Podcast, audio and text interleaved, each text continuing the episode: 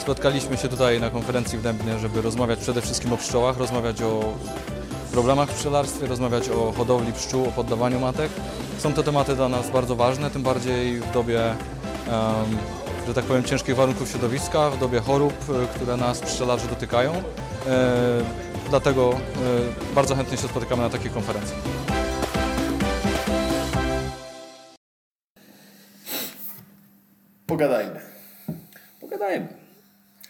Wyłączysz telefon najpierw, albo wyłączysz dźwięk, albo wyłączysz powiadomienia, albo włączysz tryb. Nie przeszkadzać. Nie musiałeś mi o tym Jako i ja to uczyniłem. Pogadajmy o dwóch rzeczach, bez których mężczyźni nie mogliby się obejść. Pierniki i kasety wideo. Piersi. Michaś, piersi. Pogadajmy o piersiach. A mianowicie, nie gorszyłoby cię, gdybyś zobaczył w miejscu publicznym kobietę, która karmi piersią? Jak ty masz do tego stosunek? Nie, w kilka dni temu widziałem kobietę, która podczas komisji sejmowej karmiła dziecko piersią i wśród moich znajomych również rozgorzała dy- dyskusja na ten temat, ale Też masz bardzo wpływowych znajomych. ja mam światłych znajomych przede wszystkim. To bardzo fajnie. Przede wszystkim ludzi, którzy interesują się wieloma rzeczami, są humanistami. Co jak z tymi cyckami? Wydaje mi się, że kobiety czasami karmią piersią dzieci i nie widzę w tym nic gorszącego. Staram się nie zachowywać jak małpa, kiedy widzę cycka. I wydaje mi się, że nie robiłoby to na mnie żadnego wrażenia, że kobieta po prostu karmi piersią. I to jest cudowna sprawa, że kobieta, która ma jakieś tam zobowiązanie względem swojego narodzonego dziecka, może to dziecko karmić w przestrzeni publicznej. No, Ktokolwiek myśli, że to jest coś gorszącego, No właśnie, gdybyśmy chcieli zrozumieć ludzi, którzy myślą, że jest to coś gorszącego, bo no jakiś czas temu była taka, była w mediach sprawa. była debata publiczna na temat gołego cyca karmiącego dzieci, tak to chcesz powiedzieć? Tak jest. Zus mi to wyjąłeś niemalże. Ja nie rozumiem, na przykład według mnie to jest naturalne, tak jak normalna rodzina, chłopak i dziewczyna, naturalne rzeczy. Skupmy się na rzeczach naturalnych, Wydaje mi ale się- zrobiłeś minę jakby. Wydaje mi się, że ludzie troszeczkę przesadzają i irytują mnie ludzie. To może być pruderia. Właśnie miałem, właśnie miałem użyć tego słowa. Wydaje mi się, że ta pruderia mnie irytuje. Ta niepotrzebna pruderia, bo pewne takie, w pewnym momencie zachowanie delikatnej pruderii jest w jakichś tam formach społecznych Słuchaj, pru, akceptowalne. Pruderia dobrze wykorzystana jest świetnym narzędziem, ale jeżeli masz wąty do cyca, który aktualnie karmi dzieciaka, to, jest- to już nie jest dobra pruderia. Jeżeli przeszkadza ci to, że kobieta karmi dziecko gołym cycem, to masz problem, bo kobiety to zawsze robiły i zawsze będą robić. To wstydź się ty nie cycem karmiony. Tak, a ciebie czym karmili? Kurwa, ludzie. Naprawdę. Apeluję tutaj do wszystkich mężczyzn, wszystkich kobiet i wszystkich tworów ludzkich i nieludzkich, którzy uważają, że jest to nienaturalne, jest to gorszące. Ja, jako opiniotwórca, twierdzę, że nie jest. Ty myślisz, że jesteś opiniotwórcą? Jestem To tak twórcą, sobie wymyśliłeś. na pewno jakąś tam opinię utworzę. Super, że udało nam się tak sprytnie zamknąć ten temat. Lećmy dalej, ale w tej samej tematyce. Wybornie. I gdybyś miał wybrać istniejący, nie taki spekulacyjny, przedmiot, który byłby choć zbliżony teksturą i konsystencją do piersi, to co by to było? Silikon chirurgiczny używany do powiększania. Na bez cwaniakowania? Potrafisz bez cwaniakowania? Cwaniaku? Nie no, wydaje mi się, że tak jak banan ma konsystencję banana, tak pierś ma konsystencję piersi. I chodziło mi o to bardziej, że jako mężczyzna nigdy nie miałem w dłoni nic, co byłoby przyjemniejsze w dotyku. Niż pierś? No. Że ja wiem. Nie wiem, co wy tam z kolegami robicie po godzinach. Nie, wydaje mi Pierś to jest po prostu kawałek skóry z tłuszczem w środku, któremu nadaliśmy jakąś erotyczną wartość. Super, nie? Tak, to jest w ogóle niesamowite, jak e, kultura jest w stanie człowiekowi wywrócić wszystko na lewą stronę. I co, nie fascynuje cię to, że męskie sutki są na przykład nie, nie są seksualizowane, a damskie sutki są seksualizowane? Że ty masz dwa sutki, z którymi możesz sobie chodzić po ulicy i nikt nie będzie zgorszony. Możesz karmić dziecko tymi sutki. Wiadomo, że nic z tego nie wyjdzie. nie? No, to, Nie no, nie mogę chodzić po ulicy świecąc moimi uroczymi sutkami. Nie, nie, nie, wi- nie widujesz na ulicach czasami, jak jest bardzo gorąco mężczyzn bez koszulek? Widuję, ale to są albo patusy, albo kloszardy. No tak, ale z drugiej strony mężczyzna, który jest albo patusem, albo kloszardem, Nadal jest mężczyzną i nadal ma komplet sutków. ma najczęściej ma komplet sut. sut. No tak. Ja nie wiem, no, ale nie spotyka się z takim społecznym zgorszeniem, jak hipotetycznie kobieta, która by tak wędrowała. I z jednej strony możemy uważać, że to jest absurd tej lewicowej nowomowy i próba wtłoczenia ludziom, że jesteśmy tacy sami. No już podkreśliliśmy kiedyś, że nie jesteśmy, ale wydaje mi się, że nie tyle może powinniśmy przestać się gorszyć tymi cyckami, co podchodzić z większą rezerwą do tego. Poczekaj. Bo aktualnie nosimy wszyscy maski, nie? Maseczki w sensie. A tak, może myślałem, że już wiesz, schodzimy, schodzimy do psychologii. Przerażenie na twojej twarzy. Freud byłby zadowolony. Ale spokojnie, nie będzie tak hardkorowo. Nosimy wszyscy maseczki. I co jeżeli ta pandemia już coś takiego z nami zostanie i wszyscy będziemy musieli w miejscach publicznych nosić te maseczki, to w pewnym momencie dojdzie do tego, że, Że twarz będzie seksualizowana. zaczniemy seksualizować nos na przykład i będziesz stał z ziomkiem i mówił ty, ale ona pod tą maską, ale musi mieć nosek zajebisty. Będą, Wiesz co chodzi, będą nowe kategorie na A Excel. drugi powie tak. Ty, a usta? Jakie usta? A jakie pukości policzkowe? O Jezus! Ja za- zastanawiałem się, już abstrahując od samej kwestii seksualizacji, zastanawiałem się jakiś czas temu, jak długo ta pandemia z nami zostanie i jak długo y, wszelkie elementy tej pandemii, które wyrosły na jej kanwie, zostaną z nami i czy zostaną z nami na dłużej. Zastanawiałem się, czy tak jak na przykład w tych społecznościach Dalekiego Wschodu, tam jednak już wcześniej była taka kultura i widziano na przykład ludzi, którzy są w metrze w maseczkach czy coś. Nie wiem, czy to wynikało z takiej odpowiedzialności społecznej. I tam ludzie, jeżeli mieli jakieś objawy choroby, byli przeziębieni czy coś, to decydowali się na noszenie maseczek, czy bardziej to wynikało z tego, że po prostu chcą się lepiej czuć i odizolować się od ludzi, którzy mogą być zarażeni. I zastanawiam się, czy w Polsce, albo na przykład w Europie, ludzie teraz częściej, nawet jeżeli ta pandemia hipotetycznie ustąpi, czy też będą chodzić na przykład częściej w maseczkach w środkach komunikacji miejskiej. No to zapytaj mnie o to.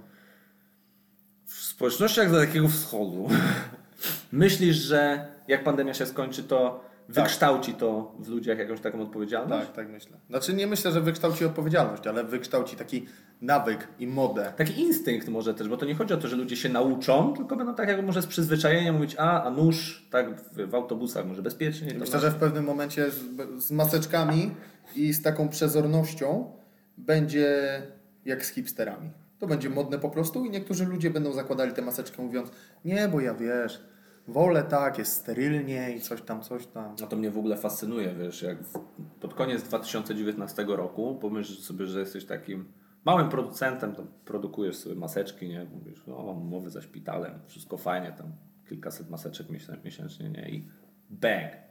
Jak Bill Gates po prostu. Nagle okazuje się, że wszyscy chcą mieć twoje komputery. Nagle okazuje się, że urzędy potrzebują komputerów. I tak jak urzędy potrzebują maseczek, wszyscy potrzebują maseczek, nie? No, zajebiście. Tak, a z drugiej strony chciałbyś się zaszczepić? Bo teraz nie wiem, kiedy ktoś będzie to czytał. Znaczy, czytał, tfu, słuchał. Boże, jak chciałbyś tutaj Daj Boże jakąś transkrypcję. transkrypcję. Yy, Słuchaj, ja ci nie zabraniam, możesz zrobić. już stwierdziliśmy, że mamy jednego słuchacza, jest to nasz wyimaginowany Konrad, słuchacz Konrad. chłopaku, dobrze, że jesteś. I Konrad, jeżeli słuchasz tego później, no to jesteśmy teraz w momencie, kiedy szczepionki dopiero przyjechały.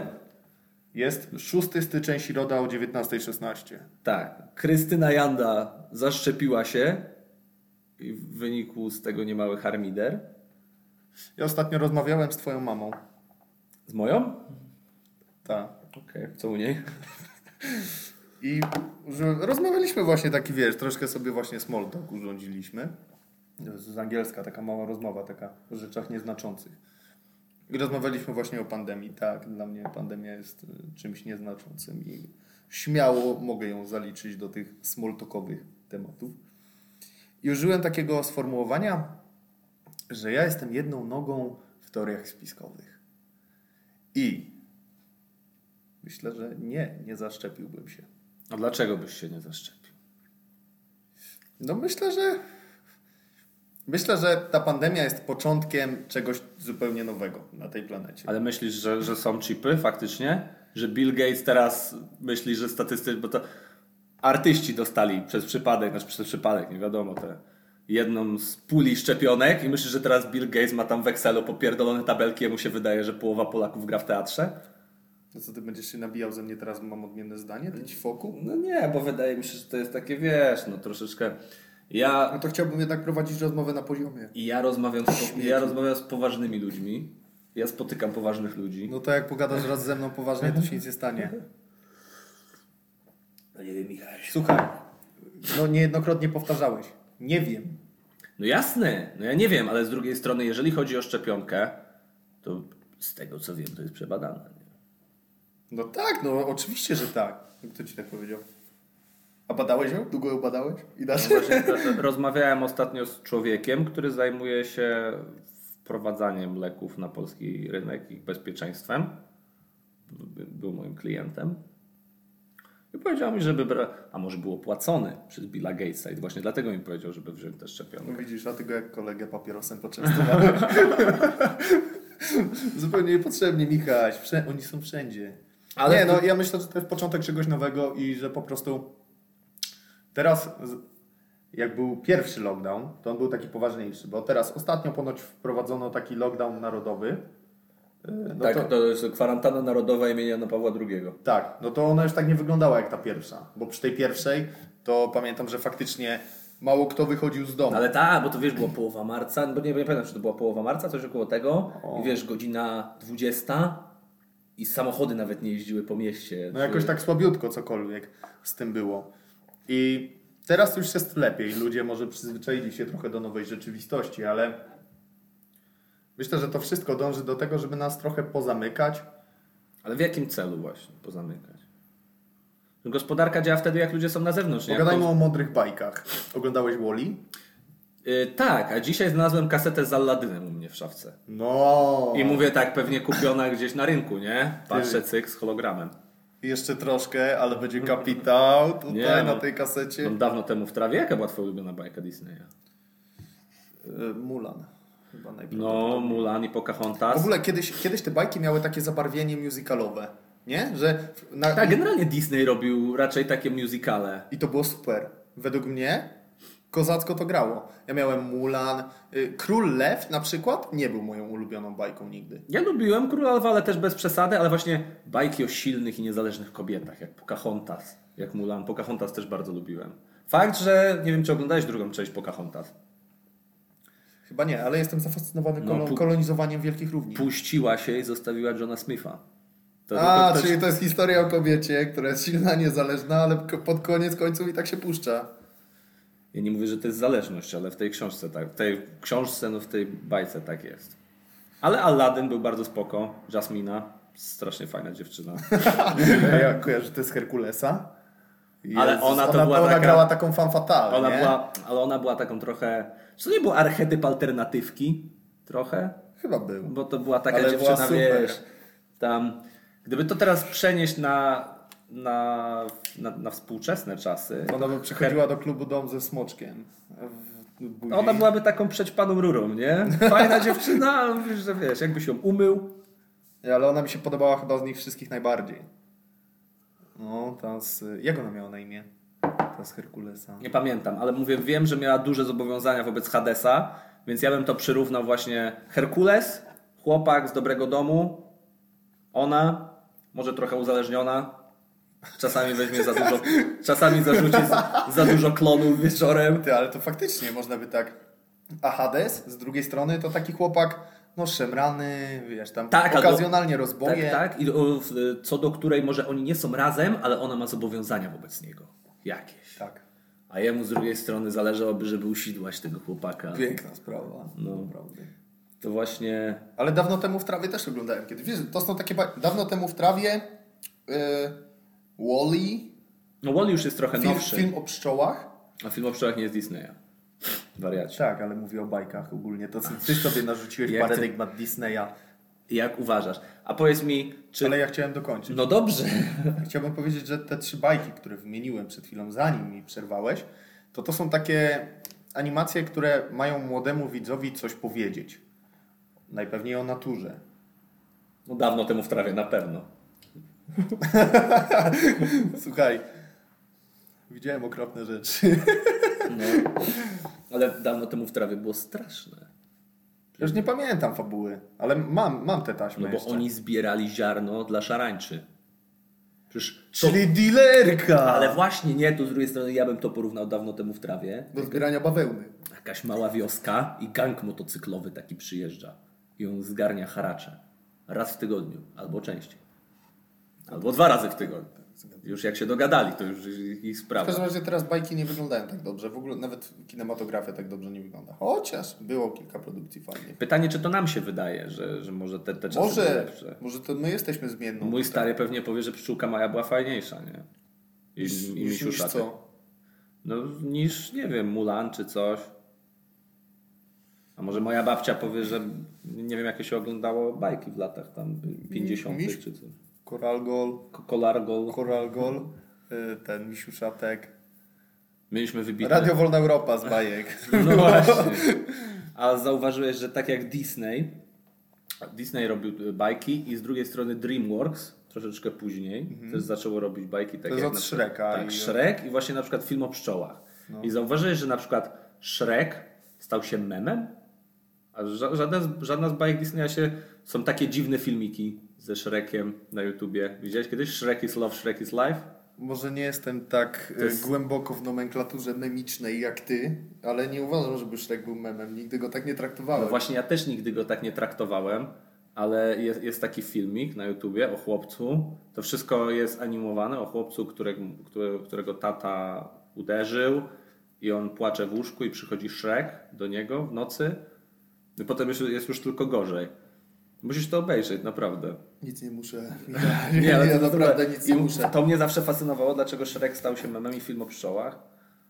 To chciałbym powiedzieć, że fascynujesz mnie jako człowiek, ale zupełnie tak nie jest. Co nie zmienia faktu, że ty potrafisz powiedzieć mi coś bardzo ciekawego, mądrego i konstruktywnego, co ja sobie sprawdzę na Wikipedii, okazuje się to faktem. Tak, mówisz, kurde, tym, tym, w tym wypadku akurat nie kłamał. Nie? Tak, ale jesteś w stanie mi z drugiej strony pokazywać czasem takie bzdury i zastanawiam się, jak człowiek tak wybitnie nieszablonowy jak ty może się tym zabawiać. Ja jestem jak, Obrzydliwe. jestem jak świnia, która szuka trufli. A trufle trzeba wygrzebać z ziemi, nie? Aha, czyli szukasz fajnych, mądrych ciekawostek w memach. No niejednokrotnie przez memy dowiedziałem się ciekawych rzeczy. A, A teraz podaj przykład. Teraz ci nie podam przykładu. Nie, to, to, w to akurat jestem w stanie uwierzyć, bo ja z memów dowiedziałem się więcej o polskiej polityce niż przez całe swoje życie. Tak, i też gadaliśmy chyba jakiś czas Tak, już mówiliśmy o tym, że No mem to będzie nowa dyskietka informacji w nowym świecie. Za, za 100 lat ludzie będą właśnie z memów uczyli się historii. Miałem się ciebie zapytać o to, czy jadłeś kiedyś kebaba bez mięsa? Jadłem kiedyś burgera w wegańskiej knajpie, nigdy więcej tego nie zrobię. A gdzie jadłeś? W krowie żywej. Krowa żywa. W krowie żywej w Warszawie i Z kobietą, sam nie poszedł, pewnie sam, sam byś nie poszedł, nie? no nie. Ale to była nasza wspólna decyzja. No jasne. Ja jadłem wielokrotnie. Ostatnio nawet podczas mojej wizyty w Poznaniu jadłem kebaba z mozzarellą z migdałów. Było super. Dawno się tak dobrze nie bawiłem. Fakt, że byłem po pięciu piwach, ale... Migdały, migdały szanuję jako orzechy, ale sama idea niejedzenia mięsa według mnie jest sprzeczna z naturą człowieka. Rozumiesz? My jako zwierzęta jesteśmy mięsożercami. Bo byliśmy sprytniejsi niż małpy. I mogliśmy sobie je łapać, I jeść te małpy. obrabiać, smażyć, słuchaj, gotować. No facet kiedyś wychodził na polowanie i przynosił do jaskini, a jak nie Małpę. przyniósł raz, drugi, trzeci, to kobieta się odwracała od niego, bo nie był w stanie zapewnić dobra jej i potomstwu. Przychodziła małpa, która umiała. I przychodziła mapa, która umiała i wtedy kobieta wiedziała, co jest a co Że może to mezalians, ale jednak ekonomicznie... No a to- ty jakie masz podejście do, do takich y, wegańskich udziwnień? Mnie się wydaje, że jedzenie to jest jedzenie.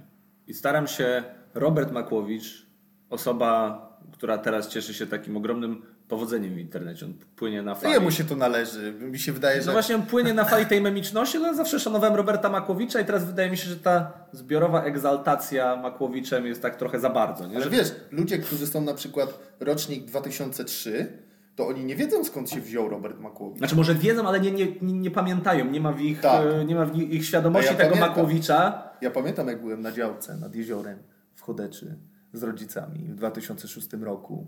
Jedliśmy akurat obiadek, później był podwieczorek, galaretka z truskawką i akurat w telewizorni, takim małym Ale jeszcze, wiesz, zawsze w jak nie? Tak, to leciał Robert Makłowicz, jego podróże, niesamowite sprawy. On pięknie się wysławia. Na przykład y, z tych jego, z tych jego antrepryz wyciągnąłem sobie takie słowo arcypiękny. Przecież to jest pięknie powiedziane. Często używa tego przedrostka, arcy, ale to jest coś Tak. takiego, czego z kolei rzadko ludzie używają.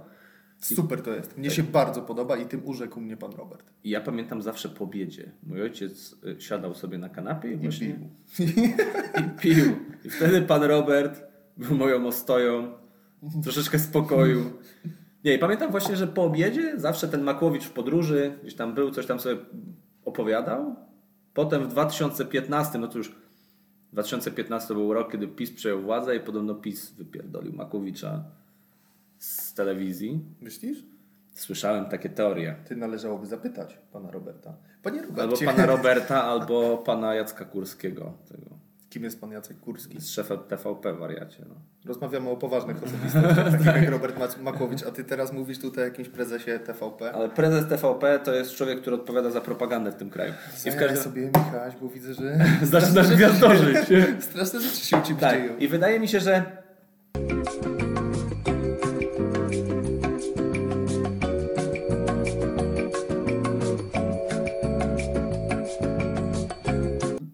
Świetnie, że to zauważyłeś. Że młodzież w ogóle nie pamięta może tego, nie, nie ma sposobności No pamiętać nie. tego Makłowicza. No to oni pewnie wiesz, teraz w internecie oni widzą pana Roberta i mówią sobie, no Na Marsa, Chiny. Chiny. Okay. I słuchałem wypowiedzi jakiegoś bardzo światłego człowieka, A mógłbyś nam przynajmniej nakreślić jego Nie, jakieś no, takie pochodzenie? Ty by brzmiał, jakby znał się na temacie. Czyli dyletant. Tak, nie, Klasyczny. był, był Polakiem, bo słuchałem jakiegoś podcastu Jeszcze gorzej. i wspomniał, że teraz, jeżeli chodzi o podbój kosmosu, to Chiny i Stany Zjednoczone to jest top, tylko że Stany Zjednoczone zdecydowały się troszeczkę bardziej na ten podbój kosmosu przez firmy prywatne, tak jak na przykład SpaceX, a w Chinach ten przemysł jest upaństwowiony. I zastanawiam się, czy z podbojem kosmosu to jest dla nas takie absurdalnie obce, że ja sobie tak myślę, wiem, że to jest takie prostackie myślenie, mówię, po co nie wysyłają te rzeczy w kosmos? Serio w kosmosie teraz coś tam da się ciekawego zrobić? A myślę sobie, przecież 500 lat temu może ludzie sobie tak myśleli o podróżach na drugi koniec globu. Oczywiście, że tak. I ja myślę, że kolonizacja innych miejsc niż planeta Ziemia, niebieska planeta, świetne miejsce, gdzie są piersi, jest nieuniknione i czeka nas to w niedalekiej przyszłości całkiem, bo myślę, że na przestrzeni jakichś... A myślisz, że za naszego życia jeszcze ludzie będą żyć w... Myślę, że my już się nie przeprowadzimy, ale Nie no, ja to się nigdzie nie wybieram, pewnie będę miał już wtedy kredyt hipoteczny, nie? ci przeniosą. Ja, tak, tak było, Skonsolidują. jak było w Fight Clubie, jak Tyler tłumaczył w pewnym momencie. Myślę, że tak wszystko będzie wyglądało. Człowieku, kolonizacja, wiesz, będzie galaktyka Microsoftu. Tutaj droga mleczna, Nestle, wie. I to wszystko tak będzie. To wszystko będzie wielkimi korporacjami. Boisz się tego? Nie, bo wiem, że to mnie nie dotyczy. Znaczy, dotyczy mnie to w sposób bezpośredni nawet, ale ja tego nie uświadczę w sposób namacalny. W sensie, wydaje mi się, że nie będę musiał emigrować na inną planetę. Jeszcze. Chociaż nie wiadomo, jak to dalej pójdzie z, z tą trzodą chlebną, bo naprawdę może nas wykończy.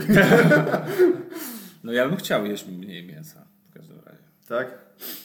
Tak, i wydaje mi się, że to jest bardzo Z pro... kolegą miłym się spotkać czasem. Wydaje mi się, że to jest bardzo prospołeczne zachowanie. W parku. Na I gdyby większość ludzi podchodziło w taki sposób na ten temat, to świat byłby piękniejszy. A wracając, Bez jeszcze- ludzi, którzy jedzą mięso, świat byłby piękniejszy. jedzą mniej mięsa na przykład. A z drugiej strony, jeżeli chodzi o koronawirusa, to zdaję sobie sprawę, że te, większość tych rzeczy, które się odpierają, zwykle za tym stoją jakieś służby specjalne. Zawsze gdzieś palce macają jakieś służby, nie? I tak jak na przykład Stany Zjednoczone, oni kiedyś wpadli na pomysł, że będą sobie robić wybuchy jądrowe Tym się zajmowały, wiesz, służby specjalne i wojsko. No, tam wiadomo, no, zapomnieli nie wiem, ewakuować jakąś tam wyspę obok, potem okazało się, że tam, nie wiem, No nieważne, no było, nie ma. Po No. co tu gadać, jak już jej nie ma tej dzie- dzieciom wypadały zęby i Stany Zjednoczone na przykład zawsze trzymały w tajemnicy takie rzeczy. I nie wiem, inne tam kraje też trzymają w tajemnicy takie rzeczy. Jest bardzo dużo utajnionych dokumentów.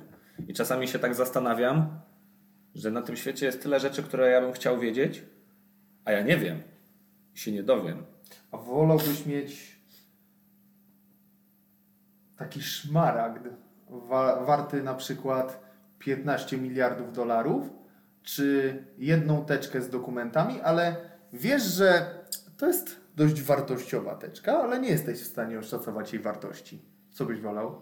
Znaczy chyba zgubiłby mnie konsumpcjonizm, to po pierwsze i zdecydowałbym się na ten kamień szlachetny. Ale czy sam fakt posiadania takiej teczki nie byłby niebezpieczny? Oczywiście, że tak. No. I druga sprawa, że my jako ludzie z robotniczych, zwykłych rodzin nie dźwignęlibyśmy tego. Nie potrafilibyśmy wykorzystać jej potencjału. Więc jajo, berże albo, albo jakiś, jakiś inny smakołyk tutaj jubilerski byłby bardziej wskazany dla nas. Chociaż myślę, że jakbyś miał taki diament, czy szmaragd, czy cokolwiek tak wartościowego, to też to jest niebezpieczne posiadanie tego. No jeżeli mówimy tutaj o kamieniach wartych do 15 miliardów dolarów, tak? Wiesz, otwierasz sobie tę teczkę i tak czytasz. Mówisz, co? Miał dwa siusiaki? Niemożliwe, nie? Myślisz, że... Ja się zastanawiam, czy jest katastrofa smoleńska. o tym też już kiedyś Ale rozmawialiśmy. to było, to był 2010, nie? 10 kwietnia 2010 o godzinie 8.30 albo w okolicach tych. Stałem wtedy w kuchni. Pamiętam to dokładnie. Słuchałem wtedy radia. Tak jak nie słucham radia, nad czym ubolewam, to słuchałem wtedy radia i dowiedziałem się To była niedziela, to pamiętam. o tym z radia właśnie. Tak, i my, i na przykład tak się zastanawiam, mówię, wiem, że polska byle jakość jednak niejednokrotnie zebrała swoje żniwo, ale mówię, może tam, może Donald Tusk faktycznie stał z tą wyrzutnią rakiet, może on strzelał, może on tę mgłę No, a oszacuj procentowo. Na ile Nie. przypadek, na ile nie na przypadek. 90% przypadek, na 10% to jest nie przypadek. No to, to nie, to ja bym strzelił inaczej. A jakbyś strzelił? Ja bym strzelił 6 dyszek na nieprzypadek. Że na nie przypadek. Tak. A cztery dyszki na przypadek. To słuszne. No słuchaj, no dlaczego spadł ten samolot, a nie jakiś inny Ryanair? Czy na ten, który... No takie wiesz, no, takie, takie Ryanery nie ma bólu dupy, ale z drugiej strony kilka lat No właśnie temu... mało się słyszy o katastrofach lotniczych. To się jeszcze dzieje w ogóle? Tak, gdzie, znaczy, Gdzieś indziej niż w National Geographic? dzieje się, ale to wiesz, to jest... e, Zawsze jest większy huk, dosłownie i w przenośni. No bo teoretycznie latanie samolotem to jest chyba najbezpieczniejszy środek komunikacji, jaki możemy sobie wyobrazić. Bo tam nie ma korków. I kobiet za kierownicą. Oj, szowinistyczny żarcik, tak jest. To Nie, jest to, co no- lubimy. Od czasu do czasu jakiś samolot spada i wtedy jest, wiesz, wielka imba na cały świat. Kilka lat temu spadł samolot tego malezyjskich linii lotniczych i wiesz, co jest najlepsze? On się do dzisiaj nie odnalazł. Tych ludzi nie odnaleźli, nic nie W odnaleźli. trójkącie bermudzkim. No Właśnie to nie było w trójkącie bermudzkim, ale nic nie znaleźli. Dziwna sprawa. I oceany, to co robią oceany, I jedzą samoloty. ale to co robią oceany to też jest nieludzkie. A co robią oceany? Wchłaniają wszystko. Ten bezkres. Bezkres wchłania samolot. Ty, a wolałbyś dryfować na środku oceanu przez dwa tygodnie, czy dwa tygodnie być na Saharze? Tak wiesz, Ale przeżyć? no, żeby przeżyć dwa tygodnie w takiej ekstremalnej sytuacji. to wydaje mi się, że wolałbym być na Saharze, jeżeli miałbym przeżyć, bo prawdopodobnie gdybym był na gdybym był na tratwie jakiejś, Nie, no też by cię jakiś rekin szturchnął, ale finalnie by cię nie zjadł. Może by cię podgryzł ewentualnie.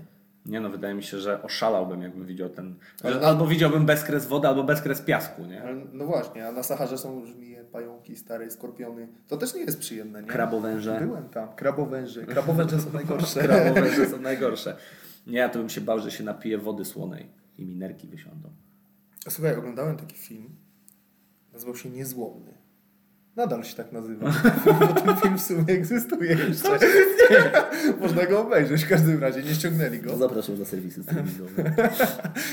Yy, I tam właśnie trzech żołnierzy było na takiej tratwie i zastanawiam się, jak łatwo można oszaleć, będąc na środku oceanu przez x czasu. Ich finalnie uratowali, bo nie o to chodziło w fabule, nie?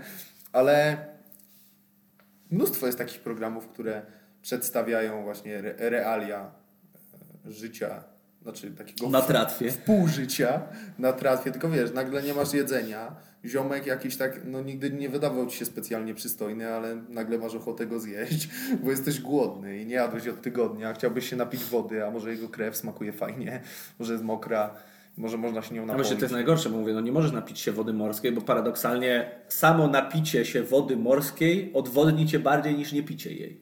Bo ma sól w środku. Właśnie i to jest najcięższe, bo ja gwarantuję ci, byłbym tym debilem, który w pewnym momencie powiedział, co wy żartujecie, tu jest twój wody. I by włożył głowę, pociągnął kilka sącznych łyków i powiedział, zajebiście, chłopaki, musicie spróbować. Dawno się tak dobrze nie czułem. Jesteś jacyś nienormalni. A, a po wypiciu 3 litrów tej wody bym po prostu zrobił, musicie tak spróbować. Nie wiem, zrobić takie- I padł. Ale to byłbym ja. Kiedyś oglądałem taki program, e, bo ja generalnie, jeżeli oglądam telewizję, to zawsze szukam tych kanałów takich, wiesz, rozwojowych. Czasem słucham jazzu, też tak, masz rację, bo twój wzrok sugeruje takie rzeczy. I na takich kanałach właśnie oglądałem kiedyś program, e, w którym było ich czterech w takim pontonie e, i w pewnym momencie gość wstał, powiedział, wiecie co, idę po fajki, zaraz wracam. Z tych Ale wiesz, najlepsze jest to, jak człowiek może oszaleć i to niezależnie od tego, czy to jest woda, czy to jest pustynia, a wyobraź sobie z drugiej strony, że masz wyprawę jakąś arktyczną na biegun południowy. Ja kiedyś też czytałem o takiej wyprawie i tam kilka osób już było w takim troszeczkę gorszym stanie, ale próbowali. Jeden mężczyzna chyba był ranny i to jest według mnie świadectwem w ogóle niesamowitej odwagi, niesamowitego poświęcenia, bo on w nocy wyszedł z namiotu. Ja nie mówię, że po fajki, bo nie wiem. Dobra, dobra, naprawdę wiesz, wyglądasz jakbyś wiedział. i wyszedł w nocy i wyszedł tylko po to, by mógł zginąć w tych białych zaspach, śniegu i zimna i po to, żeby wyprawa mogła iść dalej. Czy to nie jest heroiczne według Ciebie? Może ten typ, który skoczył do wody, to też jest heroizm. To jest, e, filozofowie też zakładają takie dylematy moralne. Jak jesteś na tratwie, to kogo pierwszego trzeba zjeść? Wie- naprawdę filozofowie No zajmują ale się jaki mam wybór? Wiesz, no Kogo zjeść? Ile jest osób? Cztery w tratwie. Załóżmy, że tak. No Załóżmy, się, że cztery osoby. Posturę poproszę i płeć. no to bo- się tak wydaje moralnie, czy na przykład zestaw powietrza. w- właśnie czy moralnie na przykład zjedzenie naj, naj, najsłabszej osoby jest dobrym wyjściem. No chyba tak bym zrobił. Chyba bym spojrzał i tak jak czasem jesteś, wiesz, na imprezie już o czwartej i patrzysz na tych ludzi, no to jesteś w stanie oszacować, który się pierwszy odetnie, nie? Już, że już jest bez prądu, bez filmu. I spojrzałbym na taką osobę, powiedział... Zerknął na, na, Dajcie obierak do na współtowarzyszy podróży, zrobiłbym... Tak, właśnie ty nie musiałbyś nic mówić, nie? Tylko, że tak przeszywająco na nich spojrzał i oni by już wiedzieli o co chodzi.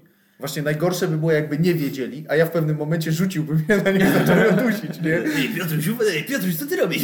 Założyłem, że na tratwie byłby czarnoskóry mężczyzna, taki potężniejszy, jeden biały, chudy, ja postury takiej, no ja jestem troszkę gruby, ale jednak nie tak, nie tak duży jak ten murzyn, i jedna kobieta. I mamy, no nie było Azjatów, no, ale no szkoda. Co zjadłbyś kobietę? Chyba, ta, no założyłem, że ona by się pierwsza zaczęła odcinać, tak mi się wydaje. No i kobieta wydaje się być smaczniejsza niż mężczyzna, przynajmniej dla mnie. To prawda. Z jednej strony, ale zobacz, co jest ciekawe, bo teraz zacząłem się zastanawiać. Katastrofy na wodzie były. Biegun były. były. Biegun Kace, północny, melanże były, biegun chmurne północny, poranki. południowy, tak.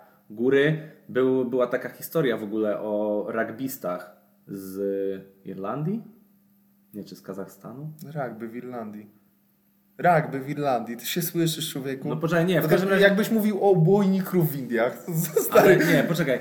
I w, w każdym razie o katastrofie w Andach i oni tam musieli... Andy to takie wysokie góry. Tak, oni musieli przeżyć jedząc ciała swoich kolegów.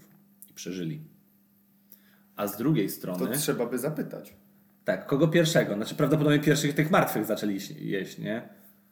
Ale Zobacz, że nie mieliśmy jeszcze chyba okazji obserwować takiej katastrofy w kosmosie, gdzie faktycznie zabrakło czegoś i ludzie na przykład nie mieli kontaktu. To pewnie będzie też znak czasu. Na pewno będzie musiała się kiedyś pojawić. Myślę, że taka- to, myślę, że to przed nami. No, na pewno będzie musiała się taka pojawić katastrofa, nie? Że ich oni przylatują z misją ratunkową, a tutaj wiesz. Ej, może my powinniśmy zrobić taki kanał ezoteryczny i przepowiadać przyszłość, stary. Byśmy mieli taką kulę, nie? Karty do tarota. Albo normalne, nieważne. Bo tu wcale nie chodzi o to, że wiesz, że ty masz pojęcie, jesteś licencjonowanym ezoterykiem. Ezo Mezo 24. Tak, tylko musisz mówić ludziom to, co chcą usłyszeć. Zawsze.